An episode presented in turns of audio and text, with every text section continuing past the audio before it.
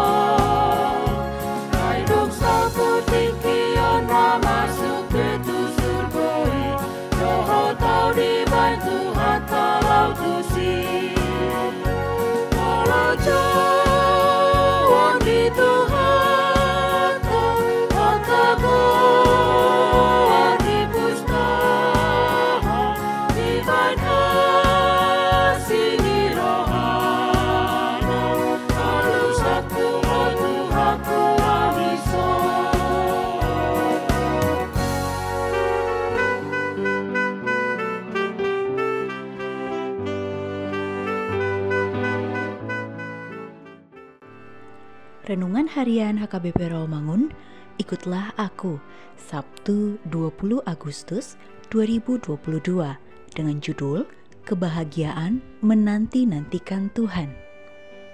Bacaan kita pada pagi ini tertulis dalam 1 Timotius 2 ayat 1 sampai 7. Dan bacaan kita pada malam ini tertulis dalam 1 Yohanes 5 ayat 6 sampai 12. Dan kebenaran firman yang menjadi ayat renungan kita hari ini ialah Yesaya 30 ayat 18 yang berbunyi, Sebab itu Tuhan menanti-nantikan saatnya hendak menunjukkan kasihnya kepada kamu. Sebab itu ia bangkit hendak menyayangi kamu. Sebab Tuhan adalah Allah yang adil, berbahagialah semua orang yang menanti-nantikan Dia. Demikian firman Tuhan. Sahabat, ikutlah aku yang dikasihi Tuhan Yesus. Konon, menanti adalah sebuah pekerjaan yang paling membosankan dalam hidup ini.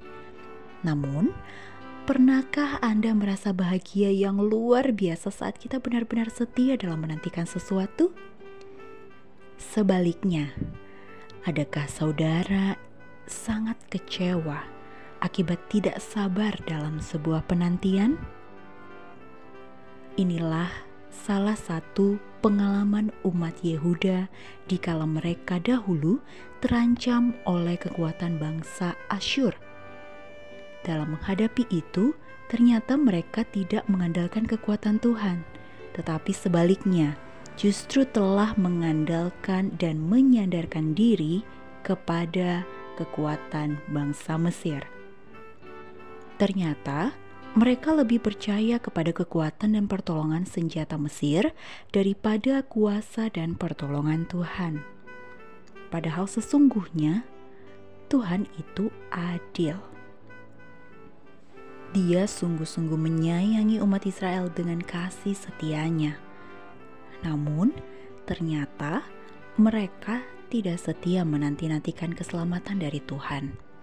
Mereka tidak mau bertobat, bahkan mereka telah menutup telinganya sendiri akan firman Tuhan.